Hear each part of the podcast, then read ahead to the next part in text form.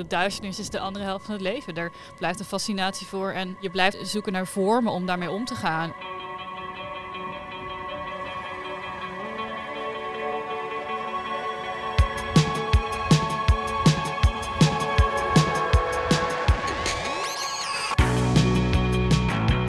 Welkom bij de podcast van Design Museum Den Bosch. Ik ben Maan Leo en dit is aflevering 3 van de serie Goth Designing Darkness. Goth is de grootste subcultuur ter wereld. Goth is een levensstijl vol onbestemd verlangen naar de donkere kant van ons bestaan. Goth verwerpt de omtoverde moderne maatschappij waarin alles te verklaren is en nodigt je uit jezelf te verliezen in een wereld vol diepe betekenis, zwarte magie en onuitsprekelijke geheimen. De tentoonstelling Goth Designing Darkness, nu te zien in Design Museum Den Bosch, gaat op zoek naar de bronnen van de subcultuur en presenteert twee eeuwen cultuurgeschiedenis vol dramatische verbeeldingen, onheilspellend design en zwartgallige kunst. In deze podcastserie ga ik in gesprek met de mensen die betrokken zijn bij de tentoonstelling en de subcultuur.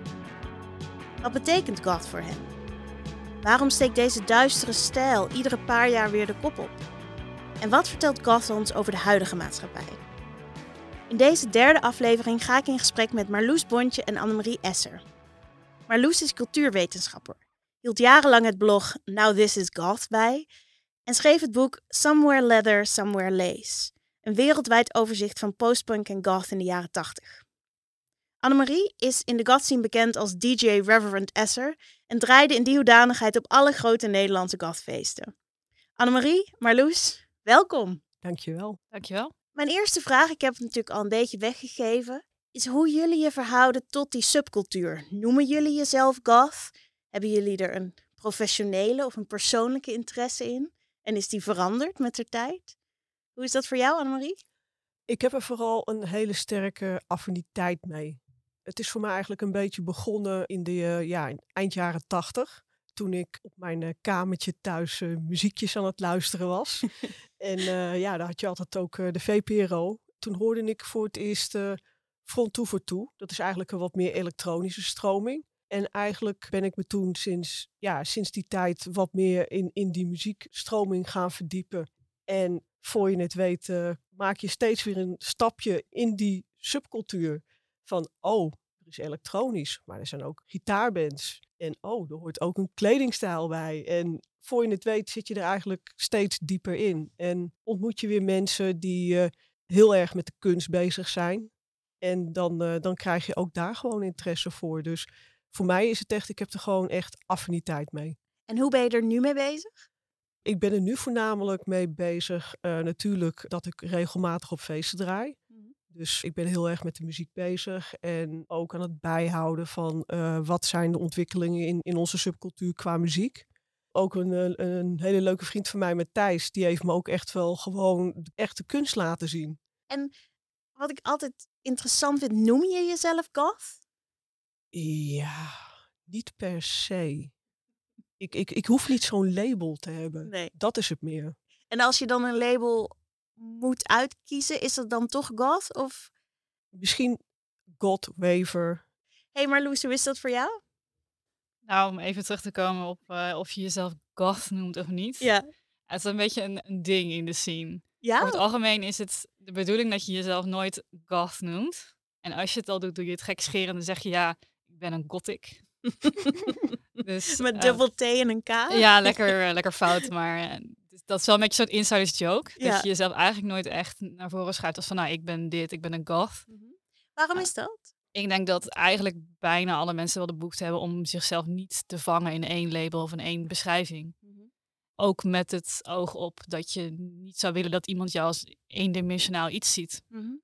En ook al is het misschien wel je voornaamste interesse, dan nog ben je meer dan je grootste voorliefde of je grootste hobby, Ja. zeg maar. Of Ja. je grootste affiniteit. Ja. En is dat dan misschien ook omdat goth als stijl eendimensionaal wordt gezien? Nou, misschien toch ook wel, want die, het heeft natuurlijk meerdere lagen en, en meerdere betekenissen. Ook een persoonlijke betekenis voor iemand. Maar van de buitenkant kom je natuurlijk best wel duister over. En de meeste Mhm. mensen denken dan ook vaak van, oh, dat er misschien ook zaken als satanisme of black metal of et cetera. Zeg maar de toch wat negatievere aspecten die erbij worden geveegd. Terecht of onterecht, dat maakt nu even niet zo uit. Maar er hangt altijd wel een beetje een negatief toontje omheen. En daardoor is denk ik van, van alle subculturen, zeg maar de, de mensen die deze subcultuur horen, zijn eigenlijk vaak het beschermendst over het feit hoe ze zichzelf labelen, Ja. hoe ze gelabeld worden. En doe jij dat zelf ook? Ik zou eigenlijk net als Annemarie mezelf gewoon ook gewoon schrijven als liefhebber. Mhm. als fan, als muziekfan. Ik ben ook echt via de muziek erin gekomen. En op heel kort daarop ook op de tweede plek meer de esthetiek en zo. Dus het, dat hangt wel heel erg samen met elkaar, die eh, interesse. Maar het blijft voor mij altijd wel om muziek en kunst gaan, toch wel. Ehm, en minder om, om mode of ijdelheid. Of dat, dat plaats, plaats ik altijd ietsjes, ietsjes meer de, daaronder. Ja, ik zou niet zo snel zeggen van, oh, ik ben goth. Daarom is het ook wel lastig om mensen te vinden om bijvoorbeeld te interviewen of aan te kunnen spreken. Zou ze eerder moeten vinden of aanspreken op hun liefhebberij en Mhm. een fandom dan op een label. Fans van, bepaalde, van een bepaalde stijl, fans van een bepaalde muziek misschien. ja, Daar identificeer je dan misschien meer mee dan met dat ene stomme label wat jij ook zei, Annemarie. eh, Precies. ja. Ja. Je vertelt net van, nou ja, jij, jij zou jezelf een liefhebber noemen. Tegelijkertijd ben je er best wel heel actief in. Je hebt eh, dat boek geschreven, je hebt eh, jarenlang een blog bijgehouden. Hoe is dat nu? Ehm, ik zit nu wel een beetje in de rustige fase. Als ik Ja? eerlijk ben, ook deels door COVID. Maar ook wel deels persoonlijk dat ik weer even wat meer een stapje terug heb genomen. Even, ik, daarvoor merkte ik dat ik um, nou, na jarenlang uitgaan een beetje, dat de rek was een beetje uit voor mij. Maar dat betekent niet dat ik voor altijd nu wegblijf. Het kan best zijn dat ik weer terug bounce, omdat er dus weer nieuwe dingen ontwikkeld zijn die ik wat vernieuwender vind. Of dat er nieuwe feesten of festivals erin, erin komen. En ik denk, hé, hey, dit, daar voel ik me wel weer tot aangetrokken. Dus, maar dat zie je wel vaker hoor bij mensen die in deze scene zitten, dat ze er ook gewoon soms een paar jaar helemaal uitstappen van, nou, ik ga even andere dingen doen in mijn leven. De beleving is dan wat minder intens. Betekent dat dan ook dat gast meer iets is dat je doet dan dat je het bent? Voor mij wel en voor iedereen waar ik mee omga wel. Ja, is dat ook voor ja, jou zo? voor mij geldt dat ook hoor. Ja, het is niet dat ik dag en nacht God ben. En eh sowieso Zelfs in ben je ik slaap. het niet. Nee, we- Nee. ik ben gewoon met mijn leven bezig. En ter ontspanning ga je naar evenementen of in dit geval een tentoonstelling waar dit soort dingen gewoon eh, tentoongesteld worden of Ja. waar de muziek gespeeld wordt. Hé hey Marloes, we hebben bij de ontwikkeling van de tentoonstelling contact met jou gehad. Onze conservatoren hebben jou gevonden via je boek en via je blog. Vertel eens hoe je betrokken bent geweest. Ik wierp eigenlijk op van, hey, kan mijn boek misschien verkocht worden tijdens een tentoonstellingstijd? Want ik denk, Mhm. ja, dat, dat is wel een goede manier om mensen die, die zeg maar van een specifiek gedeelte van die subcultuur houden, ook, ook te kunnen bereiken. En aangezien er nog steeds exemplaren te koop zijn, dacht ik, nou ja, ik grijp mijn kans. en er zijn, het boek is ook niet te koop verder in Nederland, dus nou, lijkt me een goed moment. Maar toen ben ik me ook een beetje ongevraagd tegen de tentoonstelling aan gaan bemoeien. Maar ik kreeg ook wel gelijk een vraag terug van, hey, we willen graag die do-it-yourself cultuur, die, eh, die heel erg vanuit die punk-beweging eh, is voortgekomen, die ook gothic zeg maar ook hebben omarmd. Hè? Die, die willen we wat meer ja, ook wel uit, uitdragen in die tentoonstelling. En ken je misschien mensen die echt zelf hun kleding maken of die zelf hun kleding versieren. En nou, een van de bekendste items is een, een beschilderd leren jack, hè, met alle bands waar je fan van bent en whatever. Je kan er allerlei dingen op kwijt. Dus ja, ik heb wel wat mensen die, die, die daar helemaal op los zijn gegaan op hun jasjes. En, die jasjes die zijn nu in de tentoonstelling. Ja, zeker. En het, ik vind dat heel erg leuk, want ik vind dat ik er ook wel een voorliefde voor. Het, ja, het is wel een ruwere look, hè. Ik bedoel, daarna zie je ook wel allerlei andere gothic looks voorbij komen, die decennia die daarna volgen. Maar ik vind die eerste, die eerste look is een beetje gruizig en een, nog een beetje punk. En dat, dat, ik vind dat wel heel cool, Ja. ja. Ja, Ja. want we hebben de vorige keer gesproken met Linda eh Friese en Marjolein Turin, die echt een soort sprookjesachtige, Victoriaanse, bijna zoetige stijl hebben. En dit is echt wel de, niet het kant en tulle en eh, roezeltjes, maar dit is eh, leer en ijzer en verf, hè? Nou, ik ken er ook nog wel een leuk voorbeeld van. Ja? Ik heb eh, ja, ook, ook, een band die ik ken, Werte Effect. Die eh, altijd als ze op festivals optreden, dan krijgen ze wel eens t-shirts van andere bands. En die krijgen ze dan altijd in die van die XXL-maten. En dan eh, maken ze er echt allemaal van die inkepingjes aan de achterkant in. Oh, en ja. dat ze er eigenlijk bijna gewoon een compleet nieuw kledingstuk van maken. Ja, dat vind ik wel ook echt typerend gewoon voor, voor deze scene eigenlijk. Er zijn Ja. altijd wel mensen creatief bezig met of een jas of een shirt of wat dan ook. Dat is eigenlijk die eh, do-it-yourself component die heel belangrijk is. hè? Ja. Hey, hoe verhoudt die do-it-yourself component zich tot een meer commerciële kant. Want je vertelt nu van, oh ja, die jasjes, weet je, daar ben je waarschijnlijk jaren mee bezig om de buttons te verzamelen en hem helemaal naar je smaak te maken. Tegelijkertijd hebben we in de tentoonstelling ook twee jurken van, van de webshop Attitude Holland staan. Waar je bij wijze van spreken je integrale goth outfit zo online kunt bestellen en de volgende dag in huis uh, hebt. En misschien is dat ook wel een generatieverschil. Hè? Dat die jasjes zijn misschien meer een jaren tachtig-achtige stijl. Terwijl de Attitude Holland webshop uh, integrale polyester outfit meer van nu is. Hoe kijk jij daarnaar, Marloes? Naar dat verschil? Als je echt mijn mening wil weten, ik vind het ontzettend camp. ja? ja. En, maar weet je, begrijp me niet verkeerd, het mag er zijn en er is afname voor. Eigenlijk al sinds de jaren negentig zie je dat, dat mensen daar echt wel uh, kopen, dat soort uh, winkels, zowel mm -hmm. online en offline. Ook als je bijvoorbeeld naar een, echt, zeg maar het grootste Gothic festival is Wave Gothic Treffen. Dat is mm -hmm. in mhm. Leipzig, Duitsland. Heel erg leuk. En daar komen al die stromingen ook samen. Je kijkt je ogen uit. Maar daar hebben ze dus ook gewoon een markt Waar ook al dit soort merken ook hun kleding verkopen. Ja, ik loop er dan doorheen met een beetje, ja, een beetje cringy gevoel van, oh, wat een ding allemaal zeg. En ja. uh, als je het mij persoonlijk vraagt, ik, ik koop zelf mijn kleding in reguliere winkels. Mm -hmm. Maar dan kies ik natuurlijk wel sneller voor zwart of voor een donkere kleur. En ja. ik, ik heb altijd geloofd in, in je outfit of zelf helemaal in elkaar knutselen. Of aan de haal gaan met dingen die sowieso al te vinden zijn. Of in een vintage winkel of in een, uh, in een nieuwe winkel. Als je goed zoekt, kan je eigenlijk altijd wel gothic dingen vinden tussen de lijnen door, tussen ja. de regels door. Zelfs bij de H&M. Jazeker, maar de H&M heeft natuurlijk ook al wel wat commerciële trucjes gedaan wat betreft gothic, dus ja. die zijn er ook mee aan de haal gegaan. Maar juist de kleding die niet op het oog gothic lijkt, als je goed kijkt, kan je er echt veel mee. Deze discussie doet me ook wel denken aan het einde van jouw boek. In jouw boek uh, uh, beschrijf je eigenlijk postpunk en gothic stromingen over de hele wereld, specifiek in de jaren tachtig. En aan het einde van het boek kijken jullie naar de toekomst of kijken jullie naar, ook naar hedendaagse godstromingen? En dan, en dan benoem je een aantal dingen. Zeg je, ja, hebben die nog wel echt dat gevoel van gemeenschap, wat zo kenmerkend was voor die periode? Zijn ze wel oorspronkelijk genoeg? Hoe kijk je daarnaar? Ja, dat vind ik best wel een groot onderwerp hoor. Dus ja. je breekt nu wel wat aan. Kijk, ik merk wel echt een beetje een tweedeling in zo'n scene als dit. Dat, dat je hebt altijd de mensen gehad die zeggen, ja, vroeger was alles beter. Mm -hmm. En alles authentieker en origineler en meer waardig eigenlijk. Hè? Meer, het is meer waard. En nu, ach, die generatie van nu, die, die, zit alleen, die is alleen maar aan het kopiëren.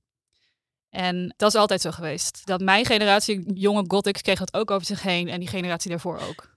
Ik denk dat Annemarie dat kan bevestigen. Absoluut ik draai natuurlijk nog op, ook op de hedendaagse uh, feesten en ja. bij optredens. En je ziet absoluut wel dat copycat gedrag. Mm -hmm. En ook uh, ja, mensen die eigenlijk nog nooit hiermee bezig zijn geweest, die er nu in ene wel mee bezig zijn. En ja. ook uh, de eyeliner even pakken. maar ja, ik denk heel eerlijk gezegd dat we ons soms ook wel eens een beetje blind staren op de jaren tachtig. Want Mhm. ja, je had daar natuurlijk ook absoluut een, een scene die heel origineel daarmee bezig was. Maar toen had je ook meelopers of, of mensen die het kopieerden. Dat, ik denk dat dat ook wel een beetje van alle tijden is. Het elkaar uitmaken voor poser is van alle tijden. Precies. en, en weet je wat het is? Ik, het, het is? Kijk, nu is dat er, als je wat ouder wordt, wordt dat ook een beetje een grap. En als je jong bent, doe je dat wel heel serieus. En dan ben je ook best wel een beetje een snop, zeg maar. Maar nu heb ik zoiets van, ja, weet je, wie ben ik om te, om te bepalen of jij authentiek bent of niet? Kan me eigenlijk niet zoveel schelen eigenlijk alleen maar om de mensen die, die gewoon die muziek tof vinden. En dan hoor je er gewoon bij wat mij betreft. Kijk, weet je, er bestaat ook iets als een, een theorie, dat heet de Everything is a Remix theorie. Die hang Mhm. ik heel erg aan. En dat suggereert eigenlijk dat cultuur altijd een remix is van alles wat daarvoor was. En zeker met het fenomeen internet is dat heel erg versneld. Hè? Want je Ja. kan met internet kan je eigenlijk alles wat hiervoor was, zeg maar, in één keer eruit trekken. Je hoeft niet eens meer naar de bibliotheek. Je hebt Nee. het Absoluut. in je telefoon. eh, kan je generaties aan goths eh, zien Ja, op en eh, Precies. Pinterest en Tumblr. Ja. Ja. en er zijn inderdaad allerlei platformen waar je eigenlijk heel snel allemaal naast elkaar hebt. Allerlei afbeeldingen die met elkaar geassocieerd zijn of, of gelinkt zijn qua onderwerp of qua, qua sfeer. Of alles kan ook met metadata weer aan elkaar ge- gekoppeld worden. Dus je hebt zo'n enorme load aan beeldta- beeldmateriaal en ook een beeldtaal die jou gevoerd wordt. Mhm. Dat eh, de huidige gothics kunnen eigenlijk shoppen in alle decades. En ook alle decennia en eeuwen die daarvoor ook zaten. Maar het enige wat altijd blijft is de snelheid waarmee een mensenbrein dat in zich op kan nemen. Je kan er ook vaak niet tegen op. Hè? Dus, Ja. dus het is wel, je maakt alsnog op een mensentempo een, selectie van waar je door laat inspireren.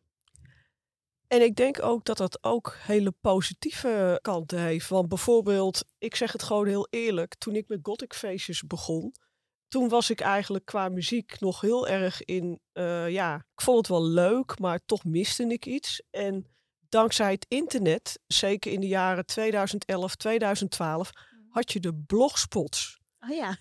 En echt, er is een wereld voor me ja. opengegaan qua muziek gewoon. Dit was echt geweldig inderdaad. Ja, ja dat was want, echt... Want wat gebeurde daar? Waarom was dat zo? Nou, wat je daar ontdekt is, uh, je bent altijd al met die muziek bezig. Bijvoorbeeld Joy Division, The Cure, uh, alle soort bands. En dan open je zo'n blogspot. En dan zie je gewoon, ja, ook alle bands die het qua beroemdheid niet gered hebben. En dan hoor je ook optredens van, uh, nou ja, waar ik ook mijn feestje uh, wel eens organiseer, AQ. Dan hoor je ook gewoon dat in de jaren tachtig dat ze daar dan een beetje aan het uh, fine-tunen zijn en, en aan het soundchecken. Maar ook hele, hele goede dingen. Bijvoorbeeld de Simple Band uit Engeland. ja, die komen uit dezelfde stad als bijvoorbeeld de Pesh Mode. waren op dat moment met dezelfde dingen bezig. En dat waren jongetjes van 14 jaar. En ik hoorde dat en ik zat echt van, dit is zo goed, weet oh, je wel. Dus ja. ja. Ja, je hebt natuurlijk mensen die, die internet gebruiken om, om te copycatten. En mhm. weet je, als ze daar gelukkig van worden, ik zeg altijd, I'm not judgmental erover. Maar ja, het levert ook weer hele goede dingen op. Ja. En voor mensen die niet weten wat Blogspot was, leg eens uit. Wat was nou, dat? Uh... Blogspot, dat waren eigenlijk internetpagina's van uh, supermuzieknerds. Die echt alle oude LP's, cassettebandjes, echt gewoon dingen waar er soms maar vijf of tien van gemaakt waren.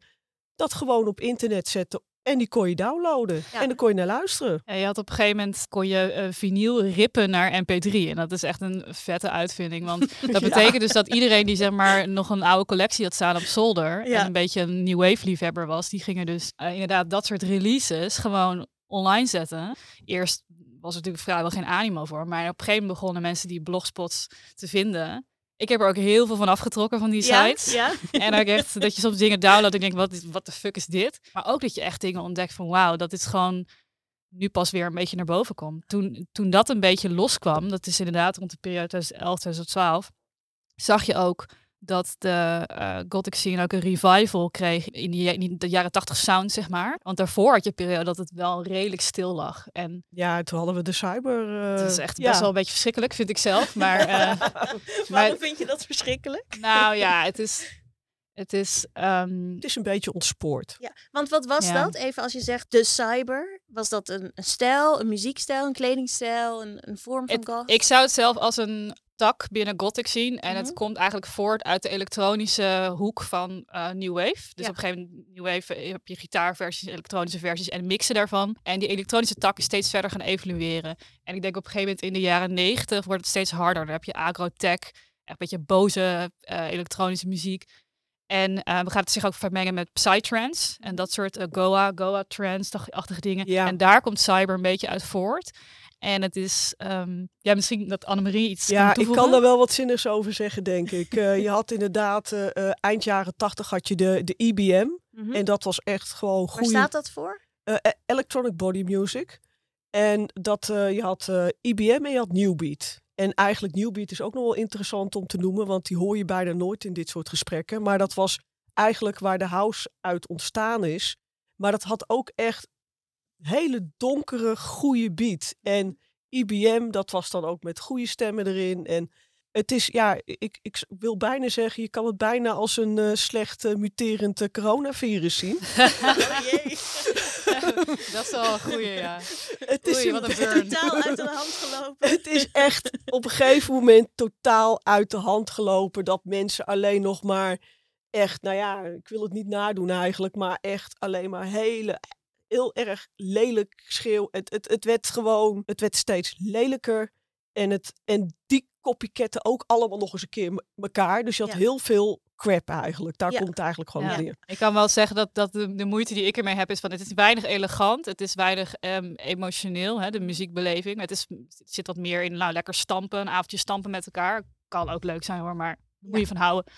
En um, wat me ook wel stoort is dat het, het, weet je, de, de, de, de beeldtaal die daar werd gebruikt was soms ook best wel seksueel. En nu heb ik daar over het algemeen niet het probleem, maar, maar wel als het vooral gaat om, om seksualiserende vrouw. Dus er was, je hebt zo'n band Suicide Commando.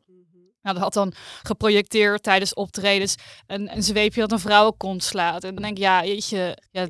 Ik zeg het heel eerlijk. Ik, heb, uh, ik heb later al die cd's nog eens teruggeluisterd.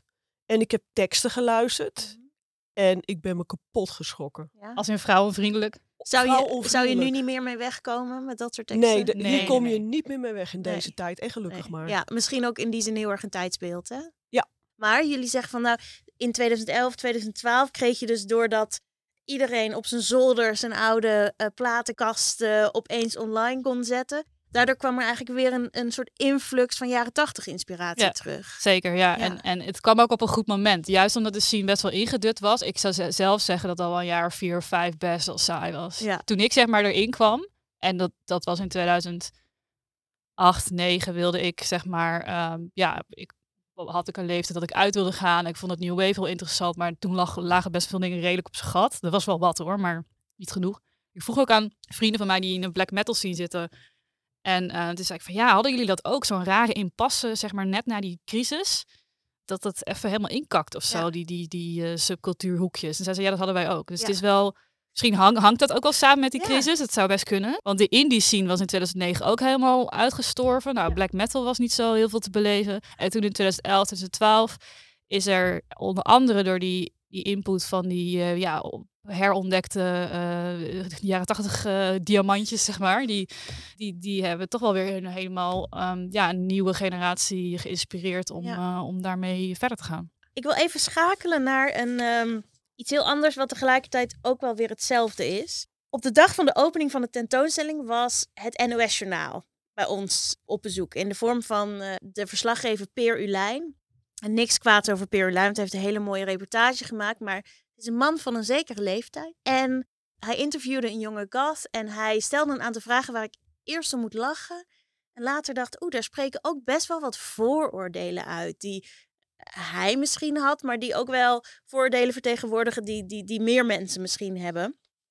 En ik wil eigenlijk wel een aantal van die vragen aan jullie voorleggen, gewoon om te zien wat jullie daarvan vinden, of jullie die herkennen, of die vragen misschien ook wel aan jullie gesteld zijn en hoe jullie daarmee omgaan. En de eerste was, goth, dat is toch al lang voorbij? Dan heb je je huiswerk niet goed gedaan. Nee. maar krijgen jullie dat ook wel eens te horen? Nou, weet je, op zich mensen van de allereerste generatie die New Wave nog kennen, mhm.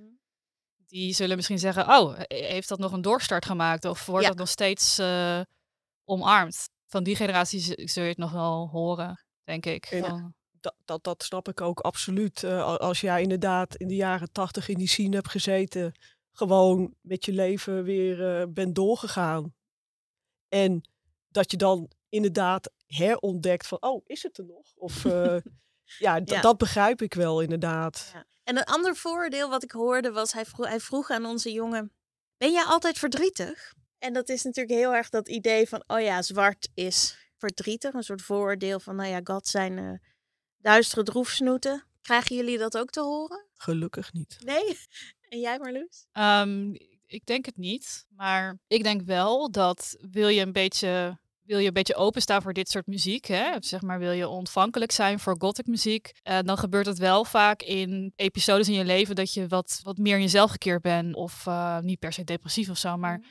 het is, ik, ik vind wel deze muziek zit op een bepaalde frequentie en die komt binnen als je, je, als je ook op die frequentie zit. En ik heb tot wel gemerkt in fases dat ik zeg maar me heel goed voelde. Dat ik een keer van die hele ja, donkere nummers opzette. En dat ik echt merkte, nou, ik kan er gewoon echt niet naar luisteren. Dit is gewoon, ik word er of inderdaad verdrietiger van.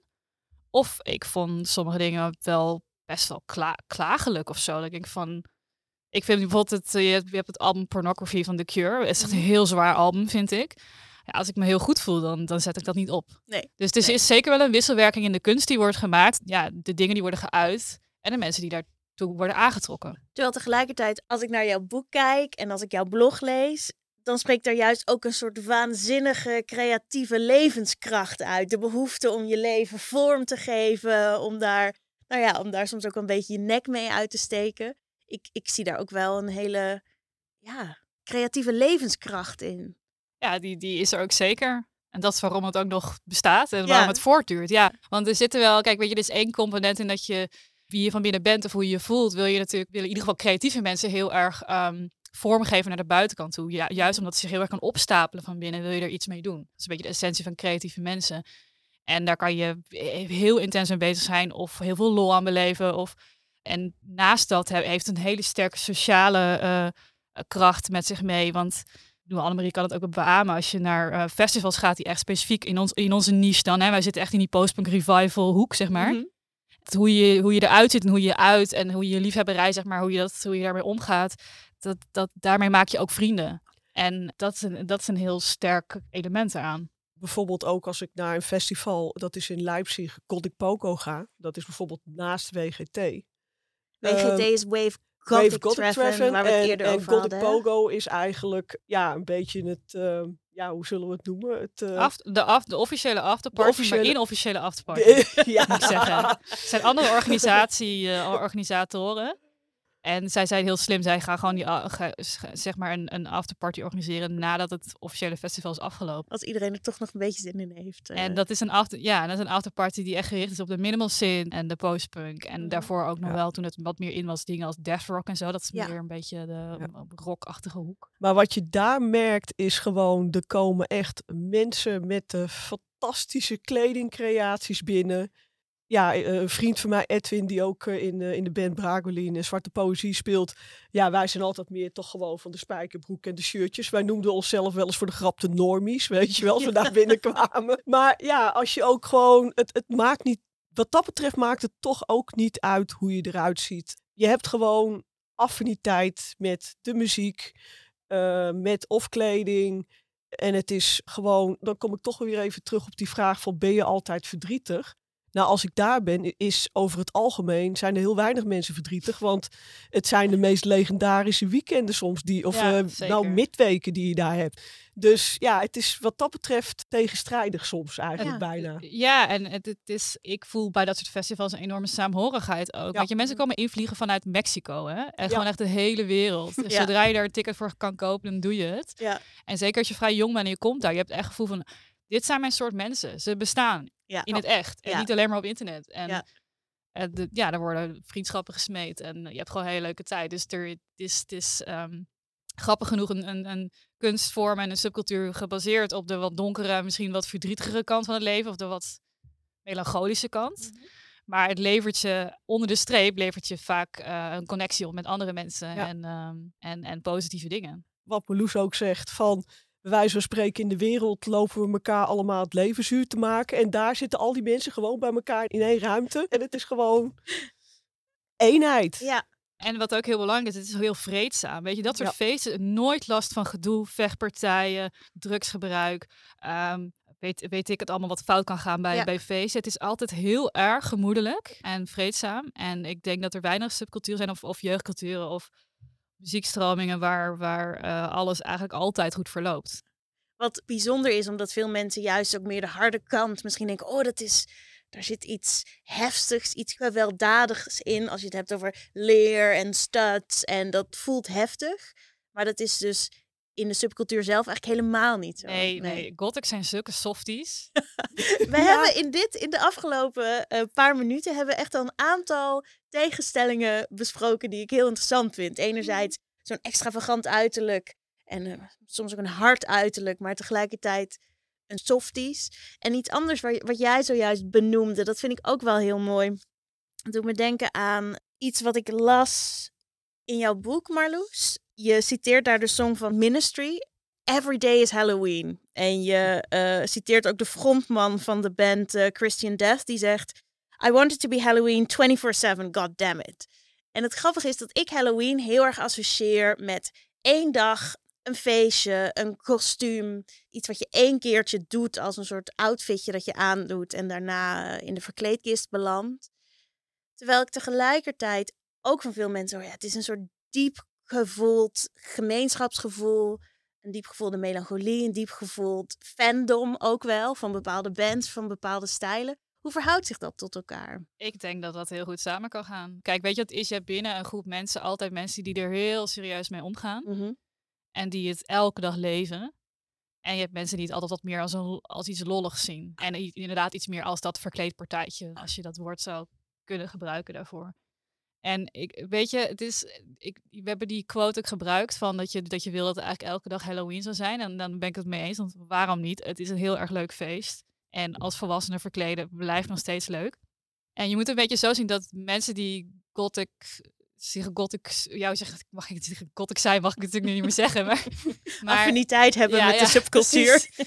Kijk, zij, zij zien het leven als een theater, weet je wel. Je kan je elke dag fantastisch aankleden. Je kan je elke dag uiten. En heel veel van die mensen hebben dat ook elke dag nodig. Heel veel normale mensen tussen aanstekens, die, die kleden zich mooi aan voor een speciale gelegenheid. Terwijl mensen die gothic zien denken, je gaat er niet wachten op een speciale gelegenheid, ben je mal. Je kan... Om je prachtige jurk aan ja, te doen. Ja, je kan gewoon elke dag shinen. En dat is een beetje wat, het, uh, wat die mensen drijft, denk ik. En hoe verhoud jij je dan daartoe, Annemarie? Want jij, hebt, uh, jij bent van de Spijkerbroekenbrigade. ik ben van de Spijkerbroekenbrigade. En ik, ik, het leuke is, ik kwam echt, uh, ik geloof, de eerste of de tweede keer op Gothic Pogo. En dan had je echt een paar van die prachtige Mexicaanse mensen. Die altijd echt van top tot teen, helemaal in de make-up. Echt haar, echt alles tip-top. En ze kwamen ook altijd heel statig binnen. Dat je echt denkt van, oh jee, weet je wel. Dus hier gebeurt staan. Iets. Ja. En dan na afloop komt dan zo'n jongen naar me toe. Annemarie, ik ben zo blij dat ik je eindelijk in het echt heb kunnen ontmoeten. En gewoon... Dus uiteindelijk maakt het dan niet zo heel veel uit? Het maakt niet uit, want uiteindelijk maak je je mooi voor jezelf. Ja, maar ik moet wel zeggen, ik denk wel dat er een, een uh, sociaal element aan zit. Want je draagt er meer uit van, hé, hey, dit, dit, dit vind ik tof, deze, hier ben ik fan van. En dat, dat kan voor een ander heel erg zorgen van, oké, iemand is safe om aan te spreken. Mhm. En ik kan wel even een concreet voorbeeld geven, bijvoorbeeld de dingen die op je leren jack staan. Iemand kan bijvoorbeeld, als je elkaar niet kent, hè, gewoon jou aantikken van, hé, hey, wat heb je toffe dingen op je jack geschilderd. En zo heb je dan gesprekken. Of je zegt, hey, wat heb jij een super tof kapsel. Ik kan me wel herinneren dat op dat soort festivals, zeker als mensen mee, met, de meeste mensen zijn wel een beetje introvert, een beetje verlegen. Maar je hebt wel daardoor een aanleiding om met elkaar in gesprek te komen. Dat is nog wel een tegenstelling waar ik wat meer over wil weten. Ik ben zelf uh, bij het maken van deze tentoonstelling was ik op zoek naar mensen die mee wilden werken aan, uh, aan filmpjes. En ik heb mensen op straat aangesproken waarvan ik dacht van, nou, jij ziet er wel een beetje gothachtig uit heel veel mensen zeiden: Ja, ik vind het super leuk wat jullie doen. En, uh, maar ik ga echt niet op camera uh, mijn verhaal houden. En ik zie jou al heel erg knikken, Annemarie. Herken je dat? Die, die, terwijl als ik iemand zie die er goth uitziet, die prachtig gesteld is, dan denk ik: Oh, dat is een heel extravert iemand. Toen jij iemand aansprak, hoe, hoe heb jij je verhaal gebracht? Ja, dat maakt natuurlijk heel veel uit. Ja, ja want het punt is, uh, dat heb ik ook wel eens van vrienden van mij gehoord die worden bijvoorbeeld ook door RTL 4 benaderd. Oh, om lekker uh, min of meer belachelijk in een show gemaakt te worden. Als jij op camera komt, je weet niet wat ze ermee gaan doen. Of, of welke beelden ze editen en wat ze eruit laten. Dus ik denk dat dat misschien wel een beetje uh, ook meeweegt. Ja, denk beslissing. je dat die terughoudendheid te maken heeft met slechte ervaringen die mensen Ik denk het hebben? wel. Ja? Maar dat weet ik niet zeker. Ja, nee, dat geloof ik wel. Hoe kijk jij daarnaar, Marloes? Ik denk dat veel mensen een beetje uh, bang zijn dat zij een bezienswaardigheid voor de ander zijn. En um, kijk, weet je, ook al kleed je je tussen aanstekens redelijk opvallend of extreem, je doet het niet voor een ander. Kijk, weet je, als je jezelf representeert op je eigen social media, heb je dat zelf in de hand. Maar als een ander dat gaat doen, dan geef je het eigenlijk weg. En daardoor kan iemand jou, wie jij bent, ook soort van een beetje claimen en een beetje framen ook wel. En dat is eigenlijk wat Annemarie net ook zegt. Dat er daarom is er een beetje terughoudendheid. Ik wil eindigen met een vraag die ik al mijn gasten stel. En waar ik ook zelf veel over na heb gedacht in de ontwikkeling van de tentoonstelling. En dat is de vraag waarom deze cultuur telkens weer terugkomt. Dus in de tentoonstelling beginnen we, ik geloof in 1764 of 46 met het eerste Gothic boek. En traceren we eigenlijk een aan twee eeuwen lang cultuurgeschiedenis. En het is eigenlijk heel bijzonder dat dit dus een, een subcultuur is die telkens weer de kop opsteekt. Hoe kijken jullie daarnaar? Dat dat iets is wat altijd weer in andere vormen, maar wel telkens weer terugkomt? Ik, ik denk dat je er nog die, die vraag zeg maar nog wel kan deconstrueren in meerdere vragen. Want kijk, mhm. je kan het hebben over de, het terugkeren van de kunststroming. Je kan het hebben over het terugkeren van de subcultuur, echt de jeugdcultuur, de mhm. muziekcultuur. Of je kan het hebben over het terugkeer van de, de grondtoon van dit alles. Namelijk die melancholie en dat gedenkte sterven. En dat, ja. Stel dat je dat laatste pakt. dat was er altijd al en dat gaat ook nooit weg. Dus Nee. ik, ik zou niet in termen spreken van dat het eh, en ooit nooit is geweest of dat het weggaat. Je ziet wel dat En het- waarom is dat er altijd al? de duisternis is de andere helft van het leven. Daar blijft een fascinatie voor. En je blijft zoeken naar vormen om daarmee om te gaan. Om via je eigen bewustzijn daar uiting aan te geven in- de tastbare wereld, zeg maar. Dus en kijk, weet je, daar heb je pas ruimte voor als je in een redelijk eh, vreedzaam samenleving leeft. Als jij in een samenleving leeft waar chaos is, dan zul je dit soort uitingen en kunstvormen niet, die zijn dan niet levensvatbaar. Die zijn er dan ook niet. Maar het gevoel is er wel. Had Ja. onheimliche, dat is er altijd. Maar er is wel een hele gothic scene in eh, Angola. Hè? Eh, Zeker. Eh, we, we moeten niet alleen maar binnen West-Europa blijven. Nee, maar Ja. ik bedoel dat, dat het dan ook in, in relatief wat wij zien als een arm land, dat daar ook gewoon toch wel een hele gothic scene is. En waar eigenlijk niemand naar kijkt, maar het is er gewoon wel. En wat, wat, wat maak je daaruit op? Nou ja, dat het toch ook niet alleen als het eh, goed en rustig en vredig is, dat er een scene is, maar toch ook wel in landen waar het wat minder makkelijk is, toch ook wel. Ja. Ik weet niet hoe vreedzaam Angola momenteel is. Eh, Nou. Ik ben niet op de hoogte. Ik ben ook niet helemaal op de hoogte, dus eh, misschien moeten we dit nog even factchecken. Nee, maar ik bedoelde meer te zeggen, kijk, in de vroege middeleeuwen of zo had je niet echt gothic, zeg maar. Probeer een beetje, ook als historicus hier een beetje naar te kijken van wanneer zie je nou dat, dat er ruimte is voor het beoefenen van de kunst of wetenschap. En daarvoor heb je wel bepaalde elementen nodig die in samenleving een beetje in elkaar vallen. Maar nu is het weer anders omdat we nu een internetwereld hebben. En dan kan je dus ook wel in landen waar het inderdaad niet zo goed gaat, wel toegang hebben tot subcultuurelementen. Dat, dat kan je ook toe-eigenen op afstand. Ja, dat kan. Tegenwoordig is een andere wereld. De, globalisatie en de internet heeft ook eigenlijk alles wel veranderd, ja. Wat betekent die globalisering voor de toekomst van goth? Eh, Dat vind ik best wel een lastige vraag. Want eh, we weten, denk ik, we beseffen eigenlijk maar half wat internet met ons leven doet en globalisatie. Zeker als je ergens middenin zit in een historische omwenteling, is het lastig om, om te duiden wat, wat dat met je, met je doet als persoon of als de mens of een subcultuur. Ik weet niet of Annemarie er iets over zou kunnen zeggen. Ja, maar dan komen we eigenlijk op een andere discussie uit. Wat Marloes net ook al zei, we weten half nog niet wat het internet met ons doet. Het is belangrijk, denk ik, dat eh, je er het goede uithaalt. En dat kan eh, zelfs van social media zijn uit een eh, niet zo heel fijn land. Als je maar weet wat je eruit moet halen. En dat kan, heel, kan hele goede dingen opleveren. Bijvoorbeeld de Russische bands die nu in op, opkomst zijn. Smeden wel daardoor gekomen. Dus het levert wat dat betreft gewoon goede dingen op, denk ik, uiteindelijk wel voor de god zien. Ja, het heeft boel ook heel erg gedemocratiseerd. Hè? Want je kan Ja. zelf je, maar dat geldt voor heel veel scenes en, en, en artiesten. Je kan zelf je muziek eh, releasen. Je hoeft niet meer opgepikt te worden door een groot label. Je kan alles zelf doen. Dus die do-it-yourself eh, cultuur is eigenlijk alleen maar meer uitge- uitgebreid.